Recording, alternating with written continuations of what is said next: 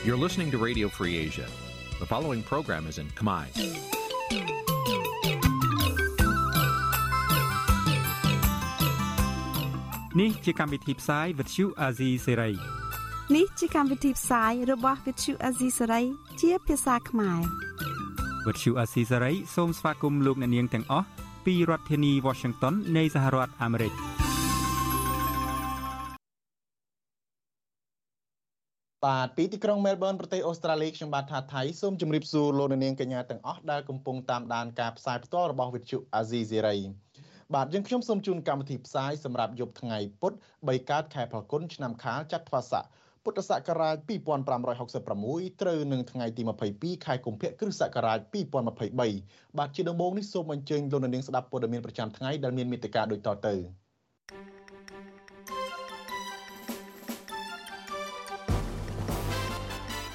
អ្នកជំនាញស្នើឲ្យពលរដ្ឋតាមដានគោលនយោបាយរបស់គណៈបកជាជាងព្រឹត្តិការណ៍នយោបាយ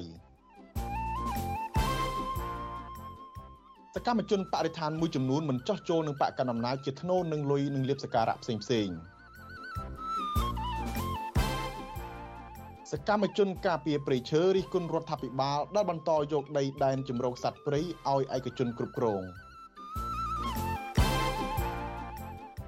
បាទជាបន្តទៀតនោះគឺមានប្រវត្តិលោកប្រៃច័ន្ទប្រធានគោជបដែលស្មោះត្រង់នឹងលោកហ៊ុនសែនរួមនឹងព័ត៌មានសំខាន់សំខាន់មួយចំនួនទៀត។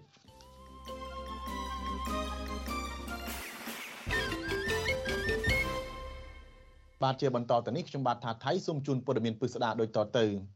បាទលោកនាងជាទីមេត្រីមុនពេលការបោះឆ្នោតមកដល់គណៈបកកណ្ដាលអំណាចតែងតែបង្កើតព្រឹត្តិការណ៍នយោបាយផ្សេងផ្សេងទាំងស្របច្បាប់និងមិនស្របច្បាប់ដើម្បីយកព្រៀបលើការបោះឆ្នោត ជុំវិញរឿងនេះអ្នកជំនាញអំពាវនាវឲ្យប្រជាពលរដ្ឋស្វែងយល់ពីគោលនយោបាយរបស់គណៈបកឲ្យបានច្បាស់លាស់ជាជាងការសម្រេចចិត្តខុសដោយសារតែការភ័យខ្លាចដែលបណ្ដាលមកពីព្រឹត្តិការណ៍របស់អ្នកនយោបាយបង្កើតឡើងទាំងនោះបាទលោកសេចបណ្ឌិតរាយការណ៍ព័ត៌មាននេះអ្នកជំនាញលើកិច្ចការបោះឆ្នោតនិងនយោបាយក្រើនរំលឹកដល់ប្រជាពលរដ្ឋជាម្ចាស់ឆ្នោតឲ្យយកចិត្តទុកដាក់តាមដានលើគោលនយោបាយរបស់គណៈបកនីមួយៗមុននឹងឈានដល់ការបោះឆ្នោតនៅខែកក្កដាខាងមុខនេះ ជាជាងការស្រឡាញ់ការស្អប់ឬភ័យខ្លាចដោយផ្អែកតែទៅលើព្រឹត្តិការណ៍មួយចំនួន ដែលអ្នកនយោបាយសម្ដែងឬបង្កើតឡើងរាល់ពេលមុនការបោះឆ្នោតមកដល់ម្ដងម្ដង តែងតែមានការគម្រាមកំហែងការចាប់ខ្លួនមន្ត្រីគណៈបកប្រឆាំងបិទប្រព័ន្ធផ្សព្វផ្សាយឯករាជ្យនិងការបង្កើតព្រឹត្តិការណ៍វិប្រហាគ្នាកើតឡើងនាំឲ្យប្រជាពលរដ្ឋមានភាពច្របូកច្របល់ក្នុងការសម្រេចចិត្តបោះឆ្នោត អ្នកសម្របសម្រួលផ្នែកអង្គការរបស់អង្គការឃ្លាំមើលការបោះឆ្នោត Confrel លោកកនសវាង មានប្រសាសន៍ថាដើម្បីឲ្យប្រជាពលរដ្ឋមានគោលជំហរច្បាស់លាស់ក្នុងការសម្រេចចិត្តបោះឆ្នោត ដែលនាំឲ្យមានការរីកចម្រើន ប្រសើរឡើងដល់សង្គមជាតិគឺប្រជាពលរដ្ឋចាំបាច់ត្រូវសិក្សាពីគោលនយោបាយរបស់គណៈបកនីមួយៗឲ្យបានច្បាស់លាស់លោកកនស្វាងឲ្យដឹងទៀតថា នៅក្នុងប្រទេសរីកចម្រើនជឿនលឿន ប្រជាពលរដ្ឋរបស់គេយកចិត្តទុកដាក់ខ្ពស់ក្នុងការតាមដានគោលនយោបាយរបស់គណៈបកដែលត្រូវប្រកួតប្រជែង។អឺបើយើងនិយាយអំពីគោលការណ៍ជាទូទៅតកតងរឿងគោលនយោបាយនេះជារឿងសំខាន់ណាស់ផកគណៈបកនយោបាយព្រោះព្រោះគណៈបកមួយមួយត្រូវមានគោលការណ៍ខ្លួនឯងហើយប្រជាពលរដ្ឋហ្នឹងនៅក្នុងបណ្ដាប្រទេសដែលគេជឿនលឿនណា ប្រទេសដែលគេមានគេហៅថាដំណើរការនៃការគោលការណ៍លើទីជាធិបតេយ្យហ្នឹងរឹងមាំហើយគេផ្ដោតសំខាន់ទៅលើគោលនយោបាយផកគណៈបកចឹងនៅពេលមានការចោទសួរថាតើតាមដានគោលនយោបាយបានប្រយោជន៍អ្វីបើគណៈបកដែលឈ្នះឆ្នោតមិនដាល់យកចិត្តទុកដាក់ធ្វើតាមការសន្យាឬការឃោសនាមុនពេលបោះឆ្នោតផងនោះលោកកនស្វាងពន្យល់ថាទូនាទីរបស់ប្រជាពលរដ្ឋដើម្បីឲ្យសង្គមមានការរីកចម្រើន ដើម្បីអនាគតកូនចៅចំនួនក្រោយ មានភាពសុខសាន្តបានទៅនោះមិនមែនគ្រាន់តែទៅបោះឆ្នោតមួយថ្ងៃនោះទេគឺត្រូវតាមដានសកម្មភាពរបស់គណៈបកនយោបាយដែលដឹកនាំក្រោយពេលឈ្នះឆ្នោតថែមទៀត។គាត់មើលឃើញគោលនយោបាយគេនិយាយល្អហើយគាត់បោះឆ្នោតជូនគេហើយគេធ្វើជាតំណាងរបស់យើងទៅអង្គុយក្នុងសភាហើយ ហើយយើងប្រឡែងដៃចោលអាហ្នឹងវាអត់ត្រឹមត្រូវទេមានន័យថាគាត់ចាំបាច់ណាស់ត្រូវតាមដានថាតើអ្វីដែលជាការសន្យាអ្វីដែលជាការលើកឡើងហ្នឹងគឺវាឆ្លើយតបដែរឬទេអញ្ចឹងរឿងនៅក្នុងចំណុចនេះគឺរឿងថាតើវិជាបរដ្ឋយើងបានមើលឃើញដែរអត់ដោយឡែកអ្នកឯកទេសខាងវិទ្យាសាស្ត្រនយោបាយនិងទំនាក់ទំនងកិច្ចការអន្តរជាតិលោកអែមសវណ្ណរាមើលឃើញថាគណៈបកប្រជាជនកម្ពុជា ដែលកំពុងកាន់អំណាចកំពុងតែមានព្រៀប ក្នុងការបង្កើតព្រឹត្តិការណ៍នយោបាយបង្វិលការគិតរបស់ប្រជាពលរដ្ឋដោយមិនផ្ដោតលើគោលនយោបាយនោះទេដែលឡែកគណៈបកក្រៅរដ្ឋាភិបាលគាត់ខ្សោយគាត់ខ្វះការលើកឡើងមកចលនមកប្រឈមណាអាហ្នឹងមានអ្នកដើរតួត្រង់មានអ្នកដើរតួមិនត្រង់ហ្នឹងខ្វះការនិយាយសខ្វះការហៅថាខ្វះការ train បច្ចេកទេសក្នុងការបកស្រាយទាំងអស់អ្នកដែលអាចពីផ្លូវច្បាប់ច្បាប់កណ្ដាលអ្នកដែលចេញក្រៅឆាឬ ចេញសមោលក្របខណ្ឌណាគាត់អត់មានតួអង្គហ្នឹងចាញ់ចាញ់ព្រៀបក្រាបបកកណ្ដាលគេប្រវល់បានច្រើនបាទលោកអែមសវណ្ណរាបន្តទៀតថា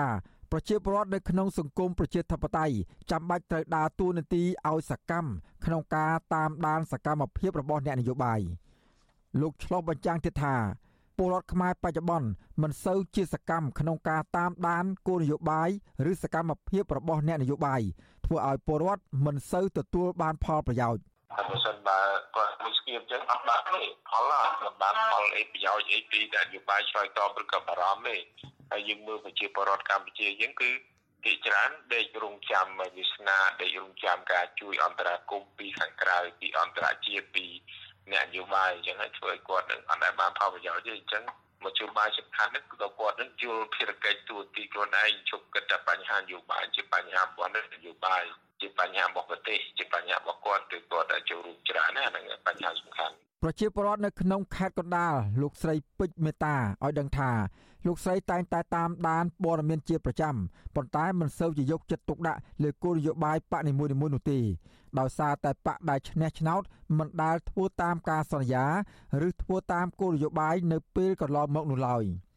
លោកស្រីបន្តថាក្រោយពេលមានព្រឹត្តិការណ៍ចាប់ខ្លួនអនុប្រធានគណៈបកភ្លើងទៀនលោកថៃសេថាវិធានការរឹបអូសទ្របសម្បត្តិជាបន្តបន្ទាប់នឹងការបិទវិទ្យុ VOD ថ្មីថ្មីនេះបានធ្វើឲ្យលោកស្រីមានការប្រុងប្រយ័ត្នជាងមុនហើយអ្នកចិត្តខាងរបស់គាត់កាន់តែមានការភ័យខ្លាច អ្នកភូមិគេអ្នកគេដែរថាគេថាអើយរឿងនយោបាយរឿងអីណាខ្ញុំជាអត់រំលាប់គេមិនលឺរវល់ទេគេថាគេថាគេទៅមិនដឹងមិនលឺថាគេសុំតែមកសុំអញ្ចឹងនៅកម្ពុជាមានរដ្ឋធម្មនុញ្ញនិងច្បាប់ពាក់ព័ន្ធជាច្រើនទៀតដែលចែងពីការធានាសិទ្ធិចូលរួមរបស់ប្រជាពលរដ្ឋដោយសេរីក្នុងកិច្ចការនយោបាយដោយមិនមានការភ័យខ្លាច និងមិនមានការគំរាមកំហែងលើពីច្បាប់ដែលមានចែងស្រាប់ គឺរាល់ពេលបោះឆ្នោតម្ដងម្ដង ទាំងការបោះឆ្នោតសកល និងអសកល គឺព្រះមហាក្សត្រតែងតែចេញព្រះរាជសារអំពាវនាវឲ្យប្រជាពលរដ្ឋចូលរួមបោះឆ្នោតជ្រើសរើសមេដឹកនាំដោយមិនមានការភ័យខ្លាច។កាលពីថ្ងៃទី8ខែកុម្ភៈព្រះមហាក្សត្រសម្ដេចព្រះនរោត្តមសីហមុនីបានចេញព្រះរាជសារអំពាវនាវឲ្យប្រជាពលរដ្ឋទៅចូលរួមបោះឆ្នោតជ្រើសតាំងតំណាងរាស្ត្រនីតិកាលទី7ដែលនឹងប្រព្រឹត្តទៅ នៅថ្ងៃទី23ខែកក្កដាខាងមុខនេះ ដោយគុំមានការភ័យខ្លាចព្រះអង្គបញ្ជាក់បន្ថែមថាការបោះឆ្នោតនោះមិនមានការគៀបសង្កត់ឬការគំរាមកំហែងឬសម្លុតពីជនណាម្នាក់ឬក៏គណៈបកនយោបាយណាមួយនោះឡើយ។បើទោះបីជាមានច្បាប់ធានា និងព្រះរាជសារពីព្រះមហាក្សត្រក៏ដោយក៏លោកហ៊ុនសែនដែលតាំងខ្លួនឯងជាអ្នកច្បាប់នោះបានបន្តគម្រាមកំហែងឥតឈប់ឈរឡើយក្នុងពិធីចែកសញ្ញាបត្រដល់និស្សិតកាលពីថ្ងៃទី20ខែកុម្ភៈ លោកហ៊ុនសែនបានបញ្ជាក់ឡើងវិញពីអំណាចរបស់ខ្លួន ចំពោះការរំលែកគណៈបកសង្គ្រោះជាតិនិងការបិទសារព័ត៌មាន VOD ថាគ្មានអ្នកណាប្រឆាំងការសម្រេចរបស់លោកបាននោះទេលោកហ៊ុនសែនក៏បានផ្ដាំឲ្យកូនចៅលោកមិនឲ្យលើកលែងដល់អ្នកដែលរិះគន់គ្រួសារនិងគណៈបកប្រជាជនកម្ពុជានោះឡើយពួកឯងបានបំពេញលើខ្ញុំបរងឲ្យបរងទៀតរហូតទៅដល់ មិនទុកឱកាសសូម្បីតែពេលកំពុងតែកាន់ទុកអូនស្រីក្រុមពួកឯងចេញមកវាយបហារត់តមេរបស់ឯងតើឲ្យខ្ញុំអត់អត់បានទេខ្ញុំ5កូន5ចៅរបស់ខ្ញុំកុំយោគយល់អត់ហន់ឲ្យអាក្រុមនេះមន្ត្រីសិទ្ធិមនុស្សរបស់អង្គការសហប្រជាជាតិលោកវិទិតមុនតបនថ្លែងនៅចំពោះមុខស្ថាប័នសិទ្ធិមនុស្សរបស់អង្គការសហប្រជាជាតិនៅទីក្រុងហ្សឺណែវប្រទេសស្វីស កាលពីដើមខែមីនា ឆ្នាំ2022ថាលំហសិទ្ធិមនុស្សនិងសិទ្ធិនយោបាយនៅកម្ពុជា កាន់តែរួមតូចនិងដើរថយក្រោយ ដោយសារតែការគ្រប់គ្រងប្រទេសបែបឯកបកលោកវិទិតមុនតាបនអំពាវនាវឲ្យអាជ្ញាធរទាំងអស់នៅកម្ពុជាគោរពសិទ្ធិមនុស្សជាមូលដ្ឋាន និងច្បាប់សិទ្ធិមនុស្សអន្តរជាតិដែលកម្ពុជាជារដ្ឋភាគីរួមទាំងសេរីភាពជាមូលដ្ឋាននៅក្នុងការបញ្ចេញមតិនិងការជួបប្រជុំទាំងលោកកនសវាង និងលោកអែមសវណ្ណារាមើលឃើញដូចគ្នាថាពលរដ្ឋខ្មែរភៀសច្រើនមិនសូវសកម្មក្នុងការតាមដានឬចូលរួមសកម្មភាពនយោបាយនោះទេជាហេតុធ្វើឲ្យពួកគាត់នៅតែរងគ្រោះដោយសារអ្នកនយោបាយលោកអែមសវណ្ណារាបញ្ជាក់ថាបើសិនពលរដ្ឋខ្មែរទាំងពលរដ្ឋសាមញ្ញនិងអ្នករៀនសូត្របានចេះដឹង នៅតែមិនចូលរួមសកម្មភាពនយោបាយឲ្យបានសកម្មនោះទេប្រទេសជាតិអាចប្រឈមវិបត្តិកាន់តែខ្លាំងឬរលាយបាត់នៅថ្ងៃអនាគត ខ្ញុំបាទសេកបណ្ឌិតវុទ្ធុអាស៊ីសេរីពីរដ្ឋធានីវ៉ាស៊ីនតោនការបោះឆ្នោតជ្រើសតាំងតំណាងរាស្ត្រនៅអាណត្តិទី7ដែលប្រព្រឹត្តទៅនៅខែកក្កដាឆ្នាំ2023នេះកាន់តែខិតជិតចូលមកដល់ហើយតើលោកនាង បានយល់ដឹងពីអ្វីខ្លះអំពីការបោះឆ្នោតនេះ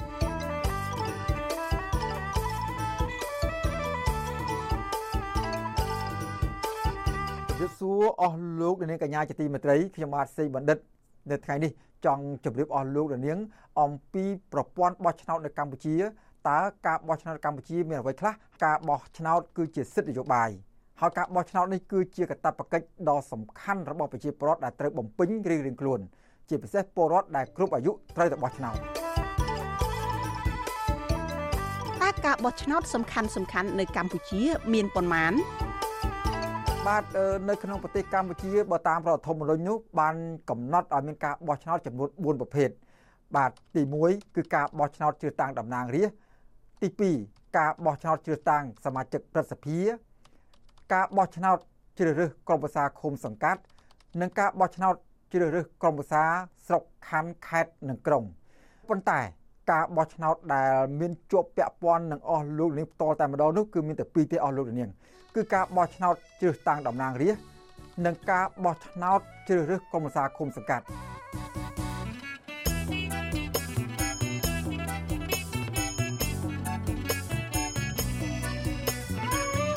ចំពោះការបោះឆ្នោតជ្រើសរើសក្រុមប្រឹក្សាឃុំសង្កាត់បានកន្លងផុតទៅហើយកាលពីខែមិថុនាឆ្នាំ2022 បាទចំពោះការបោះឆ្នោតជ្រើសតាំងតំណាងរាស្ត្រអាណត្តិទី7វិញនឹងប្រព្រឹត្តទៅនៅខែកក្កដាខាងមុខឆ្នាំ2023បាទតើលោកនាង បានត្រៀមខ្លួនរួចរាល់ហើយឬនៅចំពោះការបោះឆ្នោតនាពេលខាងមុខនេះខ្ញុំបាទសេបណ្ឌិតព្រមទាំងក្រុមការងារទាំងអស់នៃវិទ្យុអសីសេរីនឹងរៀបចំកម្មវិធីផ្សាយអំពីការបោះឆ្នោតដែលនឹងប្រព្រឹត្តទៅនៅពេលខាងមុខនេះជូនអស់លោកនាងជាបន្តបន្ទាប់សូមអស់លោកនាង កុំភ្លេចតាមដាន អំពីការផ្សាយពាក់ព័ន្ធនឹងការបោះឆ្នោតនេះកុំបីខាននៅពេលក្រោយទៀតបាទសូមអរគុណនិងសូមជម្រាបលា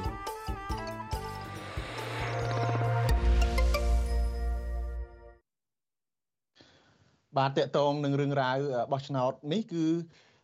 យើងក៏នឹងមានសេចក្តីរាយការណ៍ពិស្ដារពាក់ព័ន្ធទៅនឹងប្រវត្តិរបស់ប្រធានកោជបគឺលោកប្រាច័ន្ទដែរដែលលោកស្មោះត្រង់ជាមួយនឹងលោកហ៊ុនសែនបាទថ្នាក់ដឹកនាំកម្ពុជានៃគណៈកម្មាធិការជាតិរៀបចំការបោះឆ្នោតហៅកាត់ថាកោជបត្រូវបានផ្លាស់ប្ដូររយៈពេលជាង1ឆ្នាំមកហើយប្រធានកោជបបច្ចុប្បន្ននេះគឺលោកប្រាច័ន្ទជាអតីតមន្ត្រីជាន់ខ្ពស់នៃគណៈបកប្រជាជនកម្ពុជា តើលោកប្រាច័ន្ទមានប្រវត្តិយ៉ាងណាហើយលោកដឹកនាំស្ថាប័នរៀបចំការបោះឆ្នោតឆ្ពោះទៅទិសដៅណាឲ្យពិតប្រាកដបាទលោកយ៉ងច័ន្ទរានឹងមានសេចក្តីរាយការណ៍ពិស្ដារជូនលោកនាងនៅពេលបន្តិចទៀតនេះ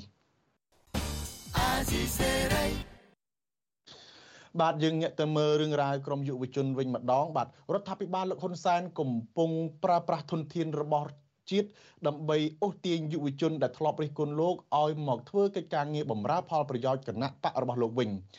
បាទបើទោះបីជាគណៈបកកណ្ដាលអំណាចបន្តយុទ្ធសាស្ត្រគៀងគរក្រមយុវជនឲ្យចូលរួមជីវភាពនយោបាយនិងចូលរួមបម្រើផលប្រយោជន៍ឲ្យលោកយ៉ាងណាក៏ដោយក៏ក្រមយុវជនមួយចំនួននៅតែប្រកាសចំហចូលរួមមិនចូលរួមដាច់ខាតដោយសារតែពួកគាត់មិនទុកចិត្តនិងមិនគ្រប់គ្រងចំពោះទង្វើរបស់រដ្ឋាភិបាលកន្លងមកបាទលោកទីនសការីយ៉ារីកាព័ត៌មាននេះចលនារបស់យុវជនបរិស្ថាននិងសកម្មជនសង្គមចូលរួមនយោបាយជាមួយគណៈបកប្រជាជនកម្ពុជា គឺជាប្រធានបទក្តៅកំពុងតែផ្អើលឈូឆរតាមបណ្ដាញសង្គមនៅគ្រាដល់ការបោះឆ្នោតជាតិកាន់តែខិតជិតមកដល់នេះ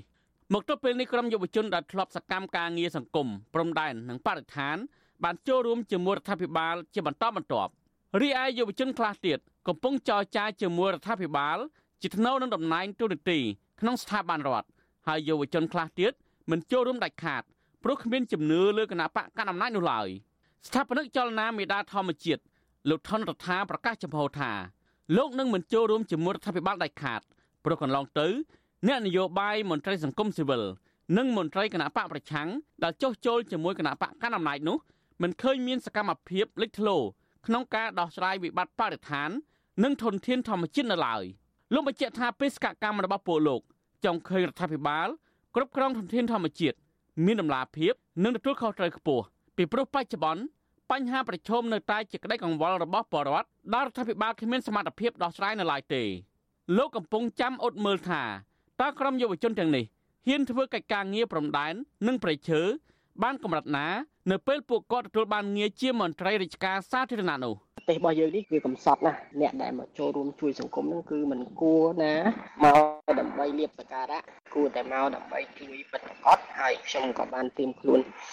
រួចជាស្រេចប្រឈមជាមួយនឹងបញ្ហាពេលរឿងគឺយ៉ាងច្រើនផ្លូវតឡាការចាប់ដាក់គុកសម្រាប់ចោលអីចឹងគាត់តែចង់ផ្ដាំទៅបងប្អូនទាំងអស់គ្នាថាបើសិនជាចង់មកចូលរួមការងារសង្គមសូមទទួលស្គាល់ការពិតថាប្រទេសកម្ពុជាក្រណាស់គួរតែនាំគ្នាមកដើម្បីជួយបិទប្រកប សកម្មជនការពារបរិស្ថានរូបនេះព្រួយបារម្ភពីបញ្ហាផ្លូវចិត្តរបស់ក្រុមយុវជនមួយចំនួនព្រោះនៅពេលដែលពួកគាត់ចូលរួមសកម្មភាពនយោបាយជាមួយគណៈបកកណ្ដាលអំណាចអ្នកប្រើប្រាស់បណ្ដាញសង្គមភាគច្រើនដែលធ្លាប់គ្រប់គ្រងនោះបែរជារិះគន់និងជេរប្រមាថរហូតដល់មានការប៉ះទង្គិចផ្លូវចិត្តពួកគាត់ធ្ងន់ធ្ងរហើយអាចបង្កើតជាគំនុំផ្លាស់ប្ដូរផ្នត់គំនិតជួយដល់សង្គមប្រែមកជាធ្វើមិនដឹងមិនលឺឆ្លើយតបនឹងរឿងនេះអ្នកនាំពាក្យគណៈបកកណ្ដាលអំណាចលោកសុកអេសានមានប្រសាសន៍ថា កន្លងទៅសកម្មភាពការងាររបស់ក្រុមយុវជនទាំងនេះដើរតាមខ្សែញាក់របស់អ្នកនយោបាយប្រឆាំងបន្ទោសទៅរដ្ឋាភិបាលគ្មានបានផលចំណេញអ្វីនោះឡើយលោកសុងអេសានអះអាងថាបញ្ហាទាំងនេះដែលធ្វើឲ្យក្រុមយុវជន សម្រេចចិត្តដើរតាមផ្លូវរដ្ឋាភិបាលវិញនិយាយរិះគន់វាយប្រហារយ៉ាងណាក៏ដោយវាអត់ចំណេញដល់គាត់ទេអញ្ចឹងបានគាត់មានការភ្ជាក់នឹកក្នុងការមកចូលរួមជាមួយរាជរដ្ឋាភិបាលហើយក៏វាលើមូលដ្ឋានដែលគាត់ពិនិត្យឃើញថារាជរដ្ឋាភិបាលធ្វើត្រឹមត្រូវជុំវិញនឹងរឿងនេះប្រធានសមាគមការពារសិទ្ធិមនុស្សអាត់ហុកលោកនីសុខាយល់ឃើញថាការសម្រេចចិត្តរបស់ក្រុមយុវជនគឺជាសិទ្ធិសេរីភាពរបស់បុគ្គលម្នាក់ម្នាក់ក៏ប៉ុន្តែប្រសិនបើពួកគាត់នៅតែបន្តការងារសង្គម ដើម្បីប្រយោជន៍ជាតិនិងបរដ្ឋនោះពុំមែនជាបញ្ហាចោតនោះឡើយពេលនេះចិត្តដល់ពេលបោះឆ្នោតទៅទៀតដូច្នេះអត់មានជារឿងអីចម្លើយទេប៉ុន្តែយើងក៏មិនចំទាស់ដែរព្រោះរឿងសំខាន់គាត់ថាអ្នកដែលចូលទៅក្នុងគណៈបកកាន់អំណាចកន្លងមកនេះគាត់ថាយើងក៏មិនឃើញមានការអីទៅជួយសង្គមនឹងឲ្យបានច្រើនជាហោហែនឹងដែរច្រើនទៅដល់នឹងបានតែឆាវអញ្ចឹងទៅហើយឃើញពួកគាត់នឹងក៏បាត់វត្តមានទៅវិញអស់អញ្ចឹងទៅបាទមកទល់ពេលនេះ ក្រុមយុវជនដែលធ្លាប់សកម្មការងារសង្គមព្រំដែននិងបរិស្ថានយ៉ាងហោចណាស់ចំនួន8នាក់ដែលតាំងខ្លួនឯងថាជាមន្ត្រីសង្គមស៊ីវិលក្រុមយុវជន100រាត្រីនិងក្រុមអ្នកស្រាវជ្រាវវ័យក្មេងបានចូលរួមកិច្ចការនយោបាយជាមួយគណៈបកកណ្ដាលអំណាចជាការដោះដូរនឹងថាវិការនិងការទទួលបានទូរទស្សន៍នៅក្នុងស្ថាប័នរដ្ឋក្រោយពីចោះចូលពួកគេទាំងនោះបានសរសេរលិខិតកលទោសលោកសំរងស៊ីព្រមព្រមគ្នានៅថ្ងៃទី22កុម្ភៈដោយអ្នកខ្លះកាន់បដាភ្ជាប់នឹងរូបថតដោយសរសេរថា ខុសគេមួយប្រទេសគឺតណ្ឌិតសំរងស៊ីពួកខ្ញុំឈប់ចាញ់កលនយោបាយតណ្ឌិតសំរងស៊ីហើយតើតើនៅរឿងនេះអ្នកខ្លោមើលពីបញ្ហាសង្គមសង្ស័យថាសារនយោបាយបែបនេះមិនមែនចេញពីចិត្តរបស់ពួកក្រុមយុវជនទាំងនេះទេ គឺគណៈបកកណ្ដាលអំណាចបង្កប់បញ្ជានៅពីក្រោយ ដើម្បីជាការដោះដូរខ្ញុំទីនសាការីយ៉ាអស៊ីសេរីប្រធានីវ៉ាស៊ីនតោន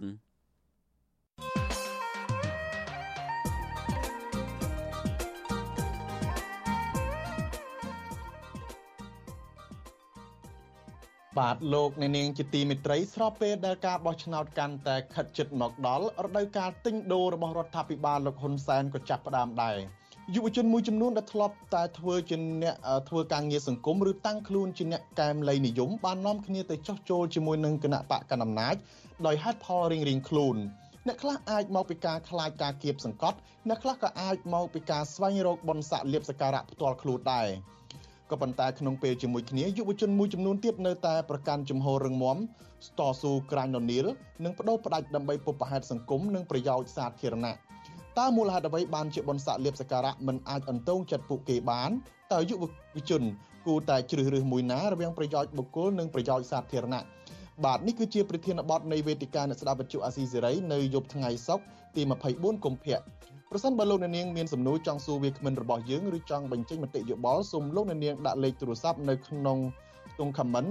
របស់ Facebook និង YouTube អាស៊ីសេរីហើយក្រុមការងាររបស់យើងនឹងតាក់ទងទៅលោកអ្នកនាងវិញបាទសូមអរគុណ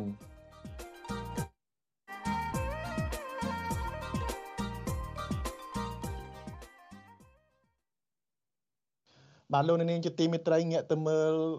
លោកនាយករដ្ឋមន្ត្រីហ៊ុនសែនដែលបន្ទាប់ពីបិទបញ្ចប់ទស្សនកិច្ចពីប្រទេសចិនវិញម្ដងគឺថាលោកក៏បានបន្តបំពេញទស្សនកិច្ចទៅកាន់ប្រទេសកុម្មុយនីសមួយចំនួនដូចជាប្រទេស ឡាវនិងប្រទេសវៀតណាមជាដើមលោកហ៊ុនសែនសុទ្ធតែលើកឡើងអំពីការជំរុញឲ្យមានការពង្រឹងកិច្ចសហប្រតិបត្តិការផ្នែកវិស័យយោធាជាមួយនឹងបណ្ដាប្រទេសកុម្មុយនីសទាំងនោះនេះវិភាគវាតម្លៃថាលោកហ៊ុនសែនកំពុងតែបង្កើនទំនាក់ទំនងជាមួយនឹងបណ្ដាប្រទេសកុម្មុយនីសដើម្បីឲ្យជួយគ្រប់គ្រងផែនការផ្ទៃអំណាចទៅឲ្យកូនប្រុសរបស់លោកគឺលោកហ៊ុនម៉ាណែតនិងទប់ទល់កម្លាំងផ្ទៃក្នុងរបស់គណៈបកកណ្ដាលអំណាចដែលហ៊ានងើបប្រឆាំងបាទអ្នកស្រីសុជីវីរីកាព័ត៌មាននេះអ្នកតាមដានស្ថានភាពនយោបាយកម្ពុជារិះគន់ថា លោកហ៊ុនសែនទំនងជាដឹងខ្លួនថាអាចនឹងបាត់បង់ការជួយគ្រប់គ្រងផ្នែកការទូតនៅលើឆាកអន្តរជាតិពីសំណាក់បណ្ដាប្រទេសកាន់លទ្ធិប្រជាធិបតេយ្យធំធំនៅលើពិភពលោកទើបលោកប្រឹងប្រែងបង្កើនទំនាក់ទំនងជាមួយបណ្ដាប្រទេសកុម្មុយនីសឲ្យគ្រប់គ្រងក្នុងការសម្រេចមហិច្ឆតារបស់ខ្លួន ជាពិសេសគម្រោងផ្ទៃអំណាចឲ្យកូនគឺលោកហ៊ុនម៉ាណែតនៅថ្ងៃអនាគតអ្នកវិភាគនយោបាយលោកកឹមសុខយល់ថាថ្មីត្បិតលោកហ៊ុនសែនមានចិនជាខ្នងបង្អែក ប៉ុន្តែលោកត្រូវការជំហរពីភាគីវៀតណាមជាក់លាក់មួយដើម្បីជួយគាំទ្រលើគម្រោងផ្ទៃអំណាចទៅឲ្យកូនប្រុសគឺលោកហ៊ុនម៉ាណែតដែរលោកកឹមសុខបន្តទៀតថាលោកហ៊ុនសែនក៏អាចពឹងពាក់ចិនឲ្យគាំទ្រផ្នែកកិច្ចការទូតលើឆាកអន្តរជាតិនិងស្នើសុំប្រាក់កម្ចីពីចិនក្រោមរូបភាពអភិវឌ្ឍហើយអាចជាថ្នូរមកវិញឲ្យចិនពង្រីកឥទ្ធិពលនៅកម្ពុជា និងតំបន់អាស៊ីអាគ្នេយ៍តាមរយៈរដ្ឋាភិបាលលោកហ៊ុនសែនដូច្នេះបក កុម្មុយនីសវៀតណាមនៅតែជាចន្ទុលបង្អែកមិនអាចខ្វះបាន ក្នុងការអនុវត្តផែនការផ្ទេរអំណាចពីលោកហ៊ុនសែនទៅលោកហ៊ុនម៉ាណែតដដែលចំណែកឯចិនគ្រាន់តែជាមិត្តថ្មីសម្រាប់លោកនាយករដ្ឋមន្ត្រីហ៊ុនសែនប៉ុណ្ណោះក្នុងបរិបទពិភពលោកថ្មីពីព្រោះចិនគឺជាមហាអំណាចលោកហ៊ុនសែនត្រូវការ ពឹងលុយនិងឥទ្ធិពលរបស់ចិន ដើម្បីជួយការពារមុខមាត់រដ្ឋាភិបាលនៃក្រមគ្រួសារគាត់នៅលើឆាកអន្តរជាតិការលើកឡើងរបស់លោកកឹមសុខនេះធ្វើឡើងបន្ទាប់ពីលោកយមត្រីហ៊ុនសែនបង្កើនទំនាក់ទំនងទ្វេភាគីជាមួយបណ្ដាប្រទេសកុម្មុយនីសជាបន្តបន្ទាប់ខណៈកម្ពុជាក្រោមការដឹកនាំរបស់លោកហ៊ុនសែនបន្តជាប់ឈ្មោះ ជាប្រទេសគ្មានប្រជាធិបតេយ្យនិងដឹកនាំកាន់តែផ្ដាច់ការកាលពីថ្ងៃទី18ខែកុម្ភៈថ្មីថ្មីនេះ គណៈបកប្រជាជនកម្ពុជាអះអាងថាកិច្ចប្រជុំកំពូលរវាងគណៈបកប្រជាជនកម្ពុជា និងបកកុម្មុយនីសវៀតណាមគឺជាការបង្កើតទំនាក់ទំនងភាពជាដៃគូមិត្តភាពប្រពៃណីកិច្ចសហប្រតិបត្តិការគ្រប់ជ្រុងជ្រោយរវាងបករដ្ឋនិងប្រជាជនទាំងពីរថែមទៀតលើសពីនេះភាគីកម្ពុជានិងវៀតណាមក៏បានចុះហត្ថលេខាអនុម័តលើផែនការកិច្ចសហប្រតិបត្តិការខាងវិស័យការពារជាតិរវាងប្រទេសទាំងពីរ សម្រាប់ឆ្នាំ2023និងអនុសារណៈនៃការយោគយល់គ្នា ស្ដីពីកិច្ចសហប្រតិបត្តិការផ្នែកច្បាប់ពាក់ព័ន្ធនឹងវិស័យការពារជាតិនិងយោធាកិច្ចប្រជុំរវាងមេដឹកនាំគណៈបកប្រជាជនកម្ពុជា និងបកកុម្មុយនីសវៀតណាមនេះធ្វើឡើងក្រោយពីលោកហ៊ុនសែនបានវិលត្រឡប់ពីបំពេញទស្សនកិច្ចនៅប្រទេសចិនវិញត្រឹមតែមួយសប្តាហ៍តែប៉ុណ្ណោះទោះបីជាយ៉ាងណាក្រុមអ្នកខ្លាំមើលព្រួយបារម្ភថា ទំនាក់ទំនងទ្វេភាគីរវាងកម្ពុជានិងវៀតណាមដែលឈានដល់កិច្ចសហប្រតិបត្តិការផ្នែកការពារជាតិកាន់តែស៊ីជម្រៅអាចនឹងជះផលអាក្រក់ដល់សង្គមកម្ពុជាដោយពួកគេយល់ឃើញថាភាគីវៀតណាមមិនបានទម្លាក់ចោលការចង់គ្រប់គ្រងកម្ពុជា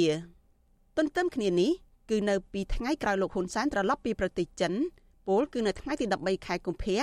លោកបានទៅបំពេញទស្សនកិច្ចនៅប្រទេសឡាវដើម្បីពង្រឹងកិច្ចសហប្រតិបត្តិការទ្វេភាគី និងចុះហត្ថលេខាលើការបោះបង្គោលព្រំដែនរវាងកម្ពុជាឡាវរួមនឹងកិច្ចសហប្រតិបត្តិការជំរុញការហោះហើរលើវិស័យទេសចរនិងធម្មពលអគិសនីអ្នកវិភាគនយោបាយលើកឡើងថាអរិយាប័ត្រកិច្ចការទូតរបស់លោកហ៊ុនសែនទំនងចង់ឆ្លុះបញ្ចាំងឲ្យចៅហ្វាយរបស់ខ្លួនគឺប្រទេសចិនថាកម្ពុជានៅតែមានជំហរនយោបាយការទូតជាមួយនឹងប្រទេសកុម្មុយនីសស្អិតល្មួតនិងដើម្បីតាក់ទាញចំណាប់អារម្មណ៍ពីមេដឹកនាំចិនកុម្មុយនីស តកតនៅរឿងនេះអ្នកនាំពាក្យគណៈបកប្រជាជនកម្ពុជា លោកសុកអេសានប្រតិកម្មខ្លាំងខ្លាំងដោយចាត់ទុកការលើកឡើងរបស់អ្នកវិភាគថាលំអៀងផ្នែកនយោបាយលោកអះអាងថាកម្ពុជាតែងតែប្រកាន់ជំហរនយោបាយអព្យាក្រឹតមិនចូលបកសម្ព័ន្ធនោះទេហើយកាលពីអំឡុងឆ្នាំ2022កន្លងទៅរដ្ឋាភិបាលក៏បានដឹកនាំគណៈប្រតិភូទៅបំពេញទស្សនកិច្ចនៅបណ្ដាប្រទេសលោកសេរី និងសហគមន៍អឺរ៉ុបដែរ។ ចាំតាំងពីពាក់កណ្ដាលឆ្នាំ2022មកសម្ដេចនាយករដ្ឋមន្ត្រីលោកបានដឹកនាំគណៈប្រតិភូទៅធ្វើទស្សនកិច្ចនៅបណ្ដាប្រទេសលោកសេរីក៏មានដោយលោកកុម្មុយនីក៏មានហើយត្រង់ទៅប្រទេសសេរីដូចជាអាមេរិកដូចសហគមន៍អឺរ៉ុបអីមិនក៏អស់លោកវិភាគហ្នឹងមិនថាផងហើយវាដល់ទៅប្រទេសកុម្មុយនីមិនក៏ថាអ្នកវិភាគហ្នឹងវាលំអៀងខាងនយោបាយទៅហើយមិនបាច់ពិនិត្យទេពីព្រោះគាត់និយាយគាត់និយាយទៅតាមខួរក្បាលលំអៀងរបស់គាត់បាទ បើទោះជាយ៉ាងណាការលើកឡើងពីសំណាក់អ្នកនាំពាក្យគណៈបកកណ្ដាលអំណាចរូបនេះហាក់មិនបានឆ្លុះបញ្ចាំងការពិតឡើយត្បិតកាលពីឆ្នាំ2022កន្លងទៅលោកហ៊ុនសែនដឹកនាំគណៈប្រតិភូទៅប្រជុំនៅសហរដ្ឋអាមេរិកនិងបណ្ដាប្រទេសប្រជាធិបតេយ្យផ្សេងទៀតនោះគឺពុំមែននៅក្នុងក្របខ័ណ្ឌទ្វេភាគីនោះទេ គឺនៅក្នុងនាមជាប្រធានបដូវវេនអាស៊ានតែប៉ុណ្ណោះអ្នកវិភាគនយោបាយនិងជាអ្នកស្រាវជ្រាវការអភិវឌ្ឍសង្គមលោកបណ្ឌិតសេងសេរីយល់ថាការដែលលោកហ៊ុនសែន ទៅបំពេញទស្សនកិច្ចនៅបណ្ដាប្រទេសកុម្មុយនីសផ្ទួនផ្ទួនគ្នាបែបនេះគឺជាទំនាក់ទំនងការទូតជាមួយនឹងប្លុកកុម្មុយនីសបែបប្រពៃណីនិងជាយុទ្ធសាស្ត្រការទូតរបស់លោកហ៊ុនសែនក្នុងការពឹងពាក់បណ្ដាប្រទេសកុម្មុយនីសឲ្យជួយការពារអំណាច។ អ្វីដែលសំខាន់មួយទៀតហ្នឹងគឺដំណើរទស្សនកិច្ចរបស់លោកយុរដ្ឋមន្ត្រីមុនការបោះឆ្នោតបែបនេះក៏ចង់បង្ហាញឲ្យឃើញខ្នងមួយថ្ងៃដ៏សំខាន់ក្នុងការសាមអំណាចឬក្នុងការតអំណាចហ្នឹងក៏មានការរួមចំណាយពីបណ្ដាប្រទេសឬក៏ទួលបានការគ្រប់គ្រងឬក៏យល់ស្របឬក៏មានសន្តានចិត្តល្អពីបណ្ដាប្រទេសនៅជុំវិញពិសេសហ្នឹងអ្នកដែលធ្លាប់នៅក្នុងប្លុកកុម្មុយនីសតែមួយអ្នកខ្លំមើលស្ថានភាពនយោបាយនៅកម្ពុជាលើកឡើងថាកម្ពុជាក្រោមការដឹកនាំដោយលោកហ៊ុនសែន បានដឹកនាំប្រទេសកាន់តែប្រឆាចពីកន្លងប្រជាធិបតេយ្យនិងកាន់តែផ្ដាច់ការតាមរយៈការប្រើប្រាស់ប្រព័ន្ធតុលាការជាឧបករណ៍បង្ក្រាបសម្លេងប្រឆាំងរដ្ឋបတ်សិទ្ធិសេរីភាពពលរដ្ឋបំបិតស្ថាប័នសារព័ត៌មានឯករាជ្យនិងមានទំនោរទៅរកប្លុកកុម្មុយនីសធ្វើជាខ្នងបង្អែកការពីអំណាចពួកគេលើកឡើងទៀតថារដ្ឋាភិបាលគួរចាប់ផ្ដើមគិតគូរដំកល់ផលប្រយោជន៍ជាតិជាធំដោយចាប់ផ្ដើមស្ដារប្រជាធិបតេយ្យនិងការគោរពសិទ្ធិមនុស្សដើម្បីឲ្យកម្ពុជា ទទួលបានផលប្រយោជន៍សេដ្ឋកិច្ចពីបណ្ដាប្រទេសលោកសេរី និងបញ្ជាការរីគុណថា កម្ពុជា លំអៀងទៅខាងប្រទេសកុម្មុយនីសតែម្ខាងនាងខ្ញុំសុជីវី With Shu Azizi Saray ពីរដ្ឋធានី Washington កម្មវិធី With Shu Azizi Saray សម្រាប់ទូរស័ព្ទដៃអាចឲ្យលោកអ្នកនាង អានអត្ថបទទស្សនាវីដេអូនិងស្ដាប់ការផ្សាយផ្ទាល់ដោយឥតគិតថ្លៃ និងដោយគ្មានការរំខានដើម្បីអាននិងទស្សនាមេតិការថ្មីថ្មីពី Vithu Azisari លោកអ្នកនាងគ្រាន់តែចុចបាល់កម្មវិធីរបស់ Vithu Azisari ដែលបានដំឡើងរួចរាល់លើទូរស័ព្ទដៃរបស់លោកអ្នកនាងប្រសិនបើលោកអ្នកនាងចង់ស្ដាប់ការផ្សាយផ្ទាល់ឬការផ្សាយចាស់ចាស់សូមចុចលើប៊ូតុងរូប Vithu ដែលស្ថិតនៅផ្នែកខាងក្រោមនៃកម្មវិធីជាការស្រេច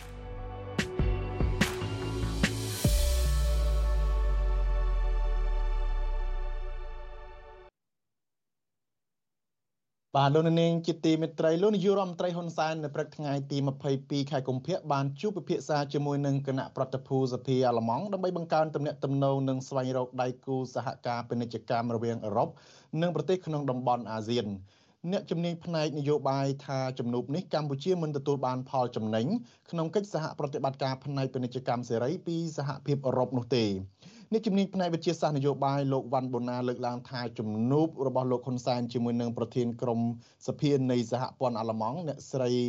Gabriel Kasmarek ដែលជាអ្នកទទួលបន្ទុកផ្នែកតំបន់អាស៊ានកាលពីពេលថ្មីៗនេះ គ្រាន់តែជាជំនួបដើម្បីបង្កើនទំនាក់ទំនងធម្មតាដោយពុំមានផលវិជ្ជមានដល់កម្ពុជាក្នុងការទទួលបានកិច្ចព្រមព្រៀងពាណិជ្ជកម្មពីសហភាពអឺរ៉ុបនោះទេលោកបន្តថាដោយសារតែកម្ពុជាជាប់ពាក់ព័ន្ធនឹងការបាត់បង់ការអនុគ្រោះប្រព័ន្ធពាណិជ្ជកម្ម ABA ពីសហភាពអឺរ៉ុប យើងនិយាយអំពីពាណិជ្ជកម្មទ្វេភាគីរវាងកម្ពុជានិងសហភាពអឺរ៉ុបគឺដោយសារកម្ពុជានឹងគឺនៅជាប់រឿងប្រព័ន្ធអនុគ្រោះពន្ធ GSP ដែលសហភាពអឺរ៉ុបនឹងកាត់20%ដូច្នេះបញ្ហានយោបាយផ្ទៃក្នុងរបស់កម្ពុជាវាមិនអំណោយផលសម្រាប់កម្ពុជាក្នុងការធ្វើពាណិជ្ជកម្មទ្វេភាគីរវាងអឺរ៉ុបជាមួយនឹងកម្ពុជាផងដែរប៉ុន្តែបើសិនជាកម្ពុជាអាចចរចាក្នុងក្របខ័ណ្ឌអាស៊ាននិងក្របខ័ណ្ឌអឺរ៉ុបឲ្យមានជាការហៅថាពាណិជ្ជកម្មបនប្លុកលោពាណិជ្ជកម្មដោយសេរីនិងនិងអឺរ៉ុបបានវាធ្វើកម្ពុជានឹងចំណេញផងដែរហ្នឹង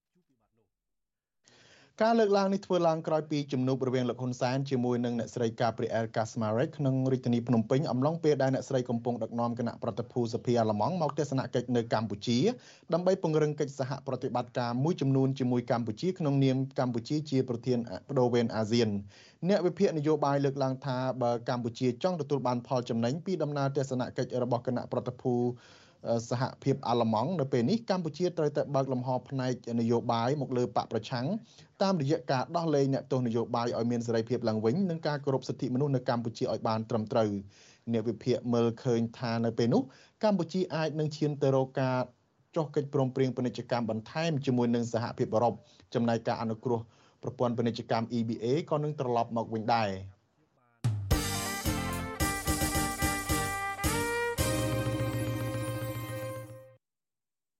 បាទលោកនាងជាទីមេត្រីយើងងាកទៅមើលរឿងរ៉ាវនៅខេត្តបាត់ដំបងវិញម្ដងសកម្មជនការពារសកម្មជនការពារព្រៃឈើរិះគន់ថារដ្ឋាភិបាលមិនគូបន្តអឺបន្តកាត់ដីក្នុងដែនជំរកសត្វព្រៃប្រគល់ឲ្យទៅវិស័យឯកជនយកទៅគ្រប់គ្រងសម្រាប់បម្រើផលប្រយោជន៍ផ្ទាល់ខ្លួនទៀតឡើយហើយគួរតែរក្សាទុកដើម្បីបម្រើផលប្រយោជន៍រួមបាទប្រតិកម្មនេះគឺបន្ទាប់ពី ដីនៅក្នុងដែនជំរកសត្វព្រៃភ្នំអរ៉ាល់ជាង600ហិកតានៅខេត្តកំពង់ស្ពឺត្រូវបានរដ្ឋាភិបាលកាត់ប្រគល់ទៅឲ្យក្រុមហ៊ុនឯកជនដើម្បីអភិវឌ្ឍជាតំបន់ទេសចរបាទរឿងរ៉ាវនេះគឺនៅខេត្តកំពង់ស្ពឺមិនមែនបាត់ដំបងទេបាទគឺលោកនៅវ៉ាន់រិនមានសេចក្តីរាយការណ៍នេះក្រុមអ្នកស្រឡាញ់ព្រៃឈើស្នើឲ្យរដ្ឋាភិបាលរបស់លោកហ៊ុនសែនបញ្ឈប់ការកាត់ជ្រៀលដីព្រៃនៃដែនជំរកអភិរក្សសត្វព្រៃភ្នំអរ៉ាល់ឲ្យទៅក្រុមហ៊ុនឯកជនដើម្បីគ្រប់គ្រងធ្វើពាណិជ្ជកម្ម សមាជិកបណ្ដាញយុវជនកម្ពុជា លោកសាន់ម៉ាឡាប្រាប់វិទ្យុអាស៊ីសេរីនៅថ្ងៃទី22កុម្ភៈថាកម្ពុជា នៅសល់ដីទំនេរច្រើនណាស់ជាពិសេសផ្ទៃដីទំនេរនៅតាមភូមិឃុំ ស្រុក និងក្រុងទើបបង្កើតថ្មី ដែលមិនទាន់មានការអភិវឌ្ឍជាដុំកំភួននៅឡើយហើយមិនទាន់ដល់ពេលដែលកម្ពុជាត្រូវកាត់ជ្រៀលដីព្រៃដែលមានសត្វព្រៃរស់នៅយកទៅអភិវឌ្ឍឡើយ។ ដែនជំរកសត្វព្រៃភ្នំអរ៉ាល់វាជាតំបន់មួយ ដែលកំពុងទទួលបាន ការពេញនិយមសម្រាប់ភ្ញៀវទេសចរក្នុងស្រុកភ្ញៀវទេសចរវ័យក្មេងដែល មាននិន្នាការទៅឡើងភ្នំទៅបោះតង់ដែលកំសាន្តនៅក្នុងព្រៃដូច្នេះការសម្បទានបាទផ្ទៃដែនជំរកសត្វព្រៃភ្នំអមរ៉ាល់ទំហំរហូតដល់ជាង600ហិកតាទៅឲ្យវិស័យឯកជនដើម្បីអភិវឌ្ឍនិងបង្កនៅការមិនសប្បាយចិត្តក៏ដូចជាខឹងសម្បាពីសំណាក់មហាជននិងអ្នកដែលនិយមដើរលេងតាមតំបន់ព្រៃឈើប្រតិកម្មរបស់សកម្មជនការពារបរិស្ថាន និងធនធានធម្មជាតិនេះធ្វើឡើងបន្ទាប់ពីមានអនុក្រឹត្យរបស់រដ្ឋាភិបាលចុះខែកក្កដាឆ្នាំ2022ហើយទើបមានការផ្សព្វផ្សាយជាសាធារណៈនៅពេលថ្មីៗនេះ ឲ្យដឹងថាដីស្ថិតនៅក្នុងដែនជម្រកសត្វព្រៃភ្នំអរ៉ាល់ទំហំ649ហិកតា នៅក្នុងឃុំចំនួន2នៃស្រុកទឹកផុសខេត្តកំពង់ឆ្នាំងត្រូវបានធ្វើអនុប្រយោគពីទ្រព្យសម្បត្តិសាធារណៈរបស់រដ្ឋឲ្យទៅជាសម្បត្តិឯកជន ហើយជួលទៅឲ្យក្រុមហ៊ុន One Fraternity ដែលជាក្រុមហ៊ុនផលិតទឹកបរិសុទ្ធ Vital និងមីជាតិដើម្បីយកទៅអភិវឌ្ឍជាតំបន់ទេសចរធម្មជាតិ។ ក្រុមហ៊ុន One Fraternity គឺជាក្រុមហ៊ុនរបស់លោកស្រីជឹងសុគន្ធធីវី កូនបង្កើតរបស់លោកឡៅមេងខិនសមាជិកព្រឹទ្ធសភាគណៈបកប្រជាជនកម្ពុជា និងលោកស្រីជឹងសុភីបហៅយាយភូជាអនុប្រធានកកបាតក្រហមកម្ពុជា ដែលគេស្គាល់ថាជាអ្នកមានទំនាក់ទំនងយ៉ាងជិតស្និទ្ធបំផុត និងលោកស្រីប៊ុនរនីភរិយារបស់លោកនាយករដ្ឋមន្ត្រីហ៊ុនសែន វិទ្យុអាស៊ីសេរីមិនអាចសុំការឆ្លើយតបពីលោកណេតភក្ត្រាមន្ត្រីអ្នកណែនាំពាក្យក្រសួងបរិស្ថាន និងលោកសុនសវណ្ណរិទ្ធអភិបាលខេត្តកំពង់ឆ្នាំងដោយហៅទូរស័ព្ទចូលច្រើនដងគ្មានអ្នកទទួលខណៈលោកឈិនសេងងួនអភិបាលរងខេត្តកំពង់ឆ្នាំងបានរុញឲ្យទៅសួរអភិបាលរងម្នាក់ទៀតដែលទទួលបន្ទុកការកាត់ជ្រៀលដីក្នុងដែនជំរកសត្វព្រៃភ្នំអរ៉ាល់នេះគឺលោកសាន់យូប៉ុន្តែមន្ត្រីរូបនេះក៏មិនបានលើកទូរស័ព្ទដែរ កន្លងមករដ្ឋាភិបាលធ្លាប់បានធ្វើឲ្យបាត់បង់ធនធានធម្មជាតិព្រៃឈើជាច្រើនបន្តបន្ទាប់តាមរយៈការកាត់ជ្រៀលដីព្រៃជាសម្បត្តិរដ្ឋប្រគល់ឲ្យក្រុមហ៊ុន អ្នកមានអំណាចឬអង្គការធំធំចិត្តស្និទ្ធនឹងរដ្ឋាភិបាល ដើម្បីឈូសឆាយយកទៅអភិវឌ្ឍជាដីសម្បត្តិសេដ្ឋកិច្ចឬបង្កើតទៅជាផ្ទះល្វែងនិងសំណង់ផ្សេងផ្សេងជាក់ស្ដែង កាលពីពាក់កណ្ដាលឆ្នាំ2022កន្លងទៅ លោកហ៊ុនសែនបានសម្រេចកាត់ជ្រៀលដីភ្នំតាម៉ៅប្រគល់ឲ្យក្រុមហ៊ុនលោកអង្ញាលេងនវត្រាឈូសឆាយដីព្រៃអស់រាប់សិបហិកតាទម្រាំមានការសម្រេចចិត្តជាថ្មីដកហូតដីព្រៃនោះយកមកប្រគល់ឲ្យរដ្ឋវិញ ដើម្បីដាំដើមឈើឡើងវិញ ក្រោយរងការរិះគន់យ៉ាងខ្លាំងក្លាពីមហាជននាយកទទួលបន្ទុកកិច្ចការទូតនៃអង្គការលីកាដូ លោកអំសំអាត សង្កេតឃើញថាកន្លងមកធ្លាប់មានបញ្ហាចម្រូងចម្រាស ជុំវិញការកាត់ជ្រឿលដីព្រៃឬដីក្នុងដែនជម្រកសត្វព្រៃមួយចំនួនដោយសាររដ្ឋាភិបាលពុំបានសិក្សាឲ្យបានច្បាស់លាស់នាំឲ្យការកាត់ជ្រឿលនោះជន់គ្នាទៅលើដីព្រៃសហគមន៍ដែលកំពុងអាស្រ័យផលដោយពលរដ្ឋលោកបន្តថាជាក់ស្ដែងដោយករណីកាត់ជ្រឿលដីព្រៃទៅឲ្យក្រមយោធាក្នុងដែនជំរកសត្វព្រៃភ្នំឱរ៉ាល់ស្ថិតនៅឃុំត្រពាំងជោស្រុកឱរ៉ាល់ខេត្តកំពង់ស្ពឺ គឺកំពុងនាំឲ្យមានចំនួនជាហិង្សាស្រាប់ទៅហើយរវាងពលរដ្ឋនិងក្រមយោធា ដោយសារតែការកាត់ដីជ្រៀលនោះជន់ទៅលើដីសហគមន៍វាតលតែទំហំនៃដីហ្នឹងវាលែងបំរើផលប្រយោជន៍ជាសាធារណៈឬក៏ជាដីព្រៃដែលរឹតរិលហើយនៅកោការគ្រប់គ្រងរបស់រដ្ឋដោយផ្ទាល់ណាបាទអាហ្នឹងយើងរដ្ឋអាចធ្វើ អនុប្រយោគហើយអាចនឹងឆ្វៀលទៅសហគមន៍អត់ទៅឲ្យឯកជនបានរបាយការណ៍របស់ក្រសួងបរិស្ថានឲ្យដឹងថាតំបន់ដែនជម្រកសត្វព្រៃភ្នំអរ៉ាល់មានផ្ទៃក្រឡា250,000ហិកតា ស្ថិតនៅក្នុងខេត្តចំនួន3គឺខេត្តកំពង់ស្ពឺខេត្តពោធិ៍សាត់និងកំពង់ឆ្នាំងដែលចេញដោយព្រះរាជក្រឹត្យនៅក្នុងខែវិច្ឆិកាឆ្នាំ1993ដើម្បីគ្រប់គ្រង និងធានាឲ្យមានការថែទាំជាជំរកសម្រាប់សត្វព្រៃនិងរុក្ខជាតិនៅតំបន់នោះខ្ញុំបាទនៅវណ្ណរិន With Chu Azizi Saray ពីរដ្ឋធានី Washington បាទលោកនាងជាទីមេត្រីថ្នាក់ដឹកនាំកម្ពុជានៃគណៈកម្មាធិការជាតិរៀបចំការបោះឆ្នោតហៅកាត់ថាកោជបត្រូវបានផ្លាស់ប្តូររយៈពេលជាង1ឆ្នាំមកហើយប្រធានកោជបបច្ចុប្បន្ននេះ គឺលោកប្រាច័ន្ទដែលជាអតីតមន្ត្រីជាន់ខ្ពស់នៃគណៈបកប្រជាជនកម្ពុជាតើលោកប្រាច័ន្ទមានប្រវត្តិយ៉ាងណាហើយលោកដឹកនាំស្ថាប័នរៀបចំការបោះឆ្នោតឆ្ពោះទៅទិសដៅណាឲ្យពិតប្រាកដបាទលោកយ៉ងច័ន្ទរានឹងមានសេចក្តីរាយការណ៍ជុំវិញរឿងនេះនាពេលបន្តិចទៀតនេះ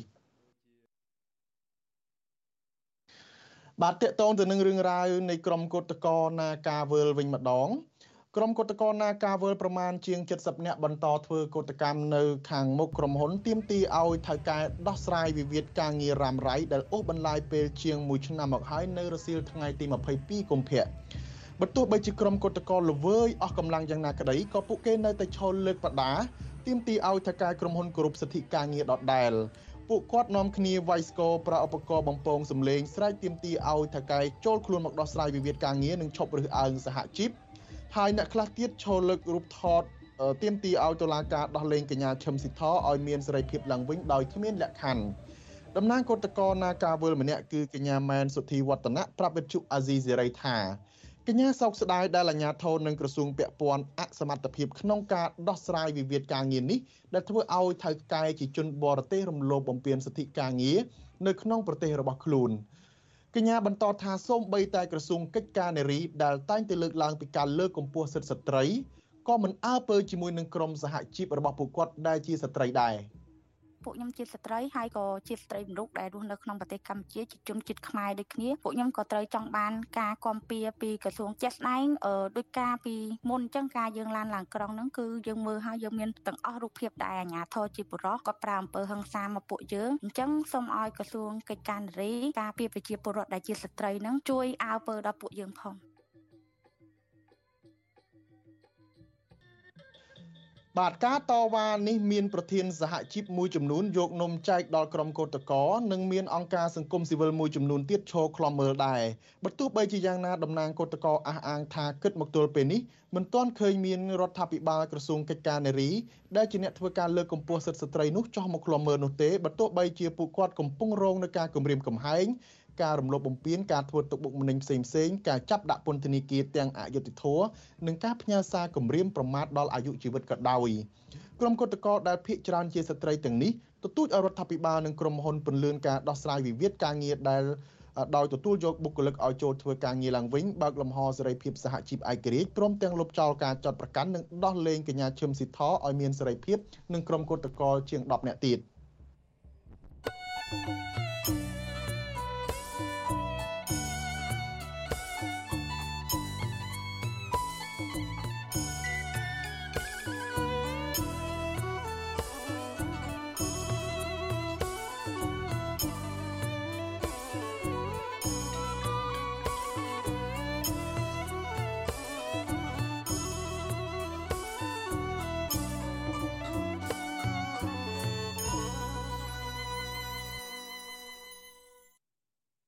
បាទយើងងាកទៅមើលរឿងរ៉ាវនៅខេត្តបាត់ដំបងវិញម្ដងគឺសិស្សានុសិស្សគ្រូបង្រៀននិងប្រជាពលរដ្ឋរស់នៅក្នុងឃុំព្រែកនរិននិងឃុំព្រែកលួងនៃស្រុកឯកភ្នំខេត្តបាត់ដំបង នៅតែបន្តប្រើប្រាស់ទូកចម្លង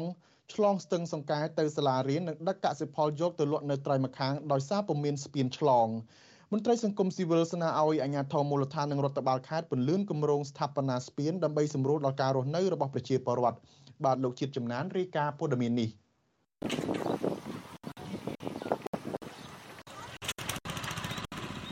ប្រ ជាពលរដ្ឋនិងសិស្សសាលាដែលមានអាយុពី12ទៅ18ឆ្នាំដែលរស់នៅតាមបណ្ដោយស្ទឹងសង្កែត្រូវធ្វើដំណើរឆ្លងកាត់ស្ទឹងដោយទូកដូចទៅត្រើយម្ខាងជារៀងរាល់ថ្ងៃគ្រូបង្រៀននៅសាលាបឋមសិក្សាកែវមនីវិស័យលោកប្រាក់សុភីបថាគ្រូបង្រៀននិងសិស្សសាលាត្រូវឆ្លងទូកនៅកំពង់រាជដូនកែវដើម្បីទៅរៀននៅអនុវិទ្យាល័យបាក់អំរែកព្រោះនៅភូមិរាជដូនកែវមិនទាន់មានអនុវិទ្យាល័យនៅឡើយទេ លោកបន្តថាកន្លងមកមានសប្បុរសជន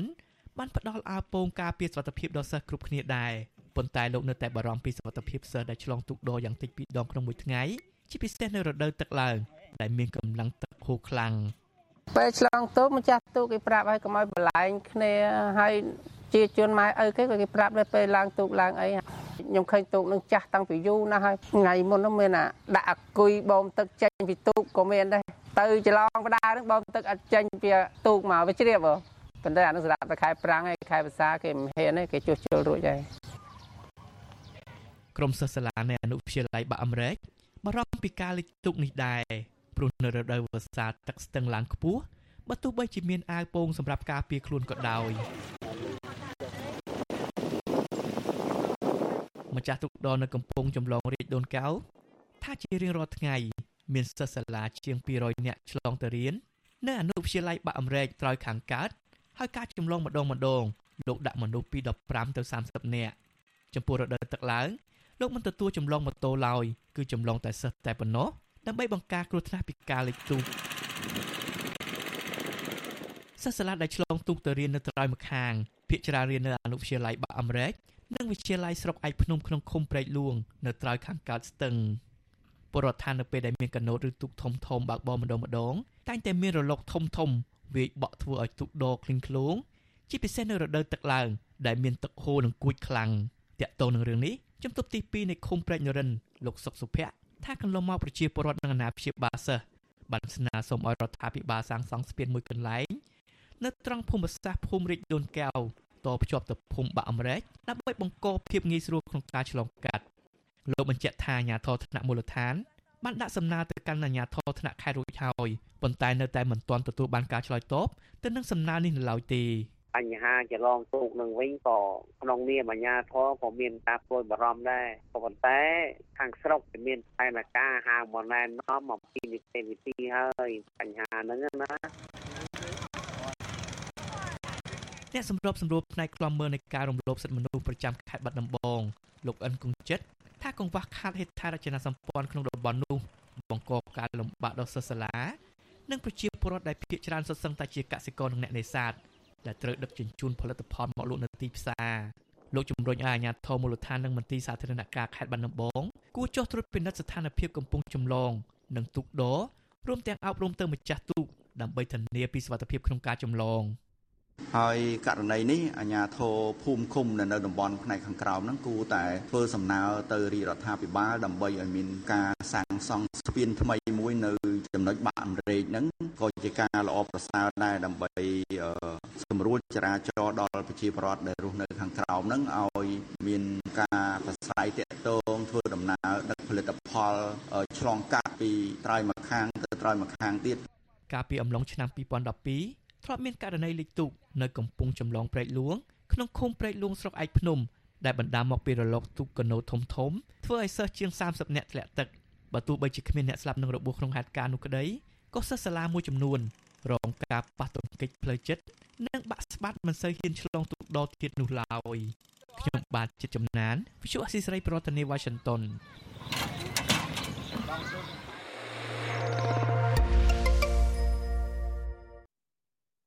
បាទលោកនាងជាទីមេត្រីព័ត៌មានដែលលោកអ្នកកំពុងទន្ទឹងរង់ចាំនោះគឺរឿងប្រវត្តិរបស់លោកប្រាច័ន្ទដែលជាប្រធានកោជបបាទថ្នាក់ដឹកនាំកម្ពុជានៃគណៈកម្មាធិការជារៀបចំការបោះឆ្នោតហើយកាត់តកោជបត្រូវបានផ្លាស់ប្ដូររយៈពេលជាង1ឆ្នាំមកហើយប្រធានកោជបបច្ចុប្បន្ននេះគឺលោកប្រាច័ន្ទដែលជាអតីតមន្ត្រីជាន់ខ្ពស់នៃគណៈបកប្រជាជនកម្ពុជាថាតើលោកប្រាច័ន្ទមានប្រវត្តិយ៉ាងណាហើយលោកដឹកនាំស្ថាប័នកោជបឈ្មោះរៀបចំការបោះឆ្នោតឈ្មោះទៅទិសដៅណាឲ្យពិតប្រាកដ បាទពីរដ្ឋធានីវ៉ាស៊ីនតោនលោកយ៉ងច័ន្ទរារាយការណ៍ព័ត៌មាននេះលោកប្រាច័ន្ទបានក្លាយទៅជាប្រធានកោជបតាមរយៈការជ្រើសរើសពីលោកហ៊ុនសែន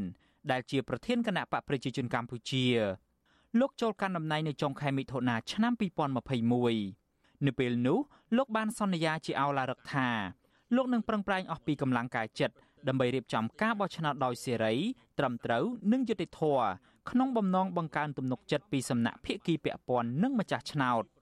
វិញ្ញាសាដំបងដែលចូលមកធ្វើតេស្តការសន្យារបស់លោកប្រាច័ន្ទនោះគឺការបោះឆ្នោតក្រុមប្រឹក្សាឃុំសង្កាត់ឆ្នាំ2022លោកប្រាច័ន្ទបានប្រកាសថាការបោះឆ្នោតនោះប្រព្រឹត្តទៅដោយត្រឹមត្រូវយុត្តិធម៌និងទៅតាមលក្ខណៈប្រជាធិបតេយ្យប្រហែលជាគ្មានការបោះឆ្នោតណាដែល ត្រង់បំផុតជាងការបោះឆ្នោតនៅកម្ពុជាដែលរាប់នៅការិយាល័យបោះឆ្នោតនោះទេ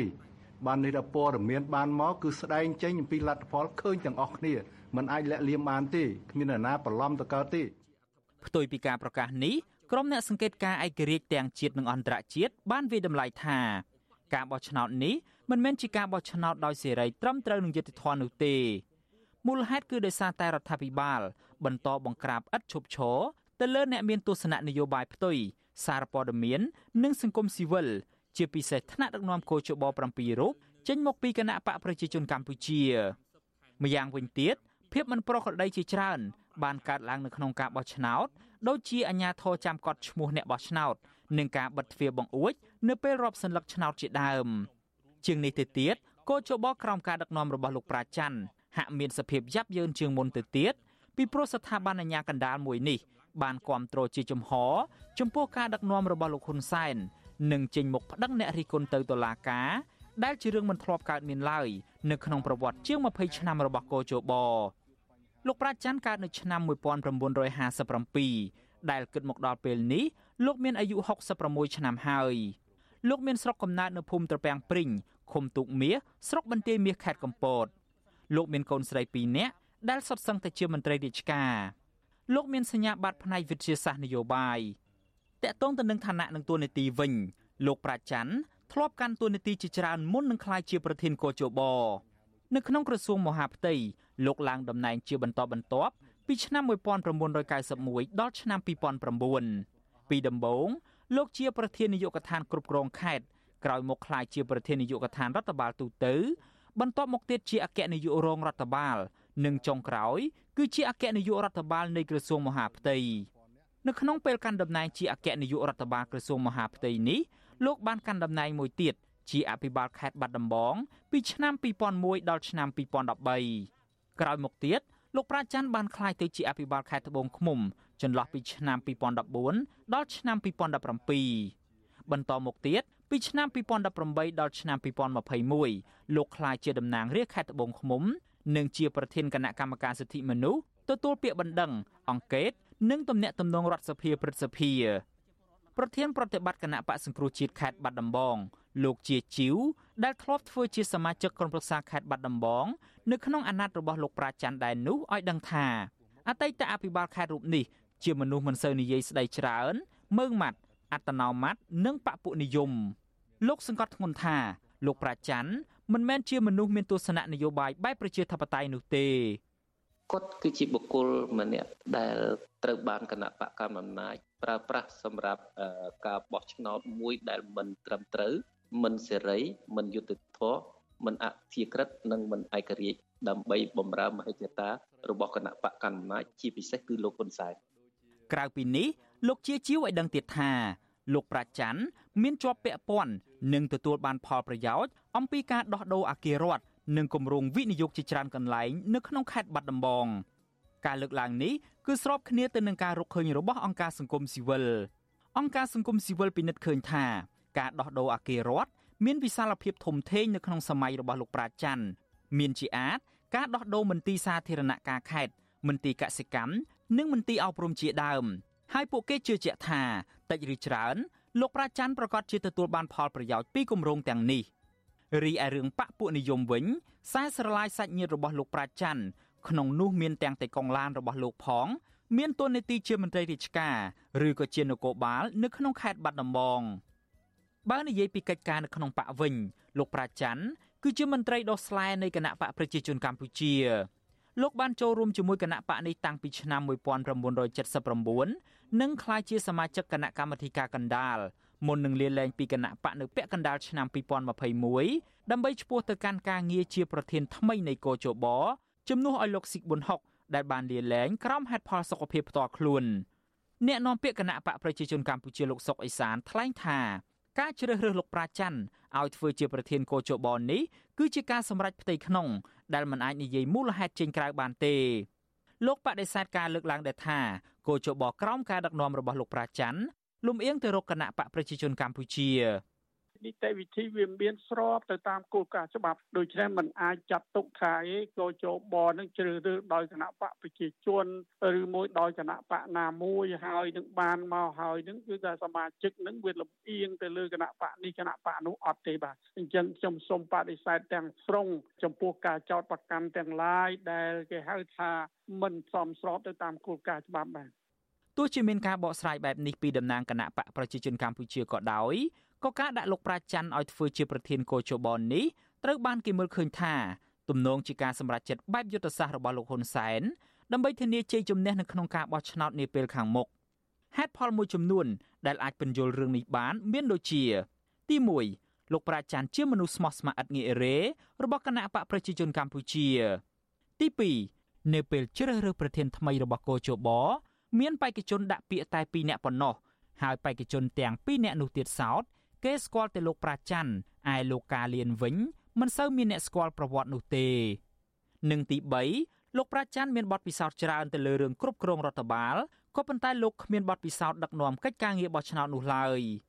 ម្យ៉ាងវិញទៀតក្រមអាណត្តិគ្រប់គ្រងរបស់លោកប្រាច័ន្ទកោជបបានប្រែក្លាយទៅជាស្ថាប័នប៉ះលែងបាន និងដើរចាក់ឆ្ងាយពីភាពជាអាញាកណ្ដាលដែលច្បាប់បានតម្រូវ កោជបបានប្តឹងអនុប្រធានគណៈបកភ្លើងទៀនលោកសុនឆៃ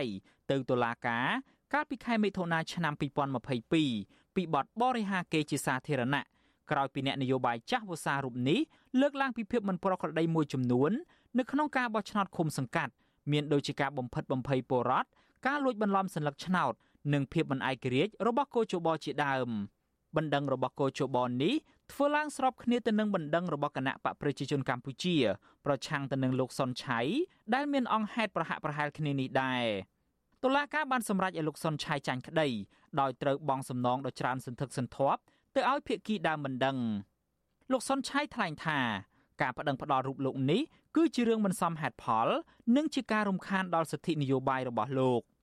ការប្តឹងផ្តល់មករូបខ្ញុំវាអត់មានហេតុផលទាល់តែសោះការងារដែលខ្ញុំបានតវ៉ាគឺក្នុងចន្លោះនៃមុនការប្រកាសជាផ្លូវការនៃលទ្ធផលការបោះឆ្នោតហើយការតវ៉ាខ្ញុំនោះក៏យោងទៅតាមការសង្កេតរបស់អង្គការមេមេរដ្ឋាភិបាលរួមទាំងអង្គការសហប្រជាជាតិផងដែលសង្កេតឃើញពីភាពមិនប្រក្រតីក្រៅពីប្តឹងថ្នាក់ដឹកនាំគណៈបកប្រឆាំងទៅតុលាការហើយនោះលោកប្រាច័ន្ទមិនបានលាក់លៀមអំពីជំហរគ្រប់គ្រង និងភក្តីភាពរបស់លោកចំពោះលោកហ៊ុនសែនប្រធានគណៈបកកណ្ដាលអំណាចនោះទេនៅក្នុងលិខិតមួយច្បាប់កាលពីថ្ងៃទី20ខែធ្នូឆ្នាំ2022លោកប្រាច័ន្ទបានសម្ដែងការដឹងគុណចំពោះលោកហ៊ុនសែនដែលលោកថាបានដឹកនាំជាតិឲ្យទទួលបានសន្តិភាពពេញបរិបូរណ៍និងរីកចម្រើនគ្រប់វិស័យទន្ទឹមគ្នានេះលោកជូនពរដល់លោកហ៊ុនសែនឲ្យមានកម្លាំងនិងអាយុវែងដើម្បីបន្តការដឹកនាំប្រទេសជាតិតទៅមុខទៀតអតីតសមាជិកកោជប និងបច្ចុប្បន្នជាអនុប្រធានគណៈបកភ្លើងទៀនលោករងឈុនមានប្រសាសន៍ថាការដែលលោកប្រាច័ន្ទប្រើប្រាស់ស្ថាប័នកោជបដើម្បីគ្រប់គ្រងមេដឹកនាំគណៈបកកណ្ដាលអំណាចនេះគឺជារឿងមិនត្រឹមត្រូវឡើយក្នុងច្បាប់កោជបក៏ដូចជាច្បាប់រដ្ឋធម្មនុញ្ញចង្អុលបង្ហាញថាកោជបត្រូវតែមានឯករាជ្យភាពបែបហើយនៅពេលដែលយើងខ្លែងការបង្ហាញការគ្រប់គ្រងទៅលើរដ្ឋាភិបាលដែលដឹកនាំដោយគណៈបព្វជិជន អានឹងវាត្រូវធ្វើឲ្យយើងនឹងបាត់បង់ឯករាជ្យភាពរបស់ខ្លួនបាទវិទ្យុអាស៊ីសេរីបានតាក់ទងទៅលោកប្រាច័ន្ទដើម្បីឲ្យលោកឆ្លើយតបរឿងនេះដែរក៏ប៉ុន្តែលោករុញឲ្យទៅសួរអ្នកនាំពាក្យកោជបលោកហងពុធាជំនួសវិញលោកហងពុធាបានបកស្រាយថាសារលិខិតនោះគឺជាការទទួលស្គាល់កិត្តិយសនិងសេចក្តីថ្លៃថ្នូររបស់ប្រមុខរដ្ឋាភិបាល ដែលមានស្នាដៃដល់ជាតិរីឯការប្តឹងលោកសុនឆៃទៅតុលាការនោះវិញលោកហងពុធាបញ្ជាក់ថានេះ គឺជាការការពារកិត្តិយសរបស់ស្ថាប័នកោជបកោជបត្រូវទទួលខុសត្រូវចំពោះសាធារណជនចំពោះមុខប្រវត្តិសាស្ត្រអញ្ចឹងប្រសិនបើមានការបំផ្លាញនៅកិត្តិយសនិងសេចក្តីថ្លៃថ្នូរនៃស្ថាប័នរៀបចំការបោះឆ្នោតហើយសំណួរសួរថាតើទំនុកចិត្តរបស់ប្រជាពលរដ្ឋទៅលើការរៀបចំបោះឆ្នោតហ្នឹងយ៉ាងណាទៅវិញទោះបីជាមន្ត្រីនាំពាក្យកោជបអះអាងបែបនេះក្តី ក៏កន្លងទៅកោជបមិនទំនងជាទីទុកចិត្តសម្រាប់ម្ចាស់ឆ្នោតឡើយតាំងពីដើមមក ស្ថាប័ននេះគ្រប់គ្រងដោយមនុស្សស្មោះស្ម័គ្រនឹងគណៈបកប្រជាជនកម្ពុជាហើយការបោះឆ្នោតរាល់លើកច្រើនតែរងការរិះគន់ថាមិនសេរីមិនត្រឹមត្រូវនិងមិនយុត្តិធម៌ជុំវិញរឿងនេះអ្នកសម្របសម្រួលផ្នែកអង្គការនឹងតស៊ូមតិនៃអង្គការ Confrel គឺលោកកនសវាងមានប្រសាសន៍ថាច្បាប់ពាក់ព័ន្ធទៅនឹងការបោះឆ្នោតមិនបានចែងឲ្យកោជប ត្រូវប្តឹងផ្ដាល់អ្នករិះគន់នោះទេហើយការប្តឹងផ្ដាល់នេះទៀតសោតក៏មិនអាចជួយការពារកិត្តិយសកោជបបាននោះដែរព្យាយាមដោះស្រាយបញ្ហា អ្វីដែលគេលើកឡើងជាគីពាក់ព័ន្ធលើកឡើងអានឹងទើបវាអាចជាការស្ដារមុខមាត់របស់ស្ថាប័នកោជបប៉ុន្តែបើប្រើប្រាស់យន្តការបណ្ដឹង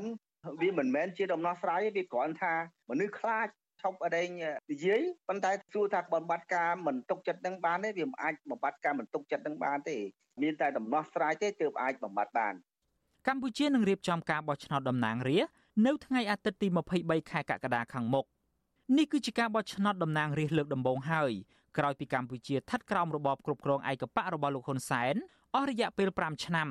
និងក្រោយពីបរិះខ្លាំងរូបនេះបានសម្រេចក្នុងការត្រួសត្រាយផ្លូវឲ្យកូនប្រុសច្បងគឺលោកហ៊ុនម៉ាណែត ក្លាយជាបេក្ខជននាយករដ្ឋមន្ត្រីបន្តត្រកូលហេតុដូច្នេះការបោះឆ្នោតសភានាពេលខាងមុខនេះនឹងក្លាយទៅជាវិញ្ញាសាថ្មីមួយទៀតដើម្បីបញ្ជាក់ថាតើលោកប្រាច័ន្ទនឹងគោរពទៅតាមពាក្យសន្យា ដែលថាលោកនឹងប្រកាន់ជំហរជាអាញាកណ្ដាលដើម្បីជាតិនោះដែរឬទេឬមួយក៏លោក នៅតែមានសមានចិត្តនិងបំពេញការងារជូនអតីតមេធំរបស់លោកបន្តទៅទៀតនោះខ្ញុំយ៉ងច័ន្ទដារាវិទ្យុអាស៊ីសេរី Washington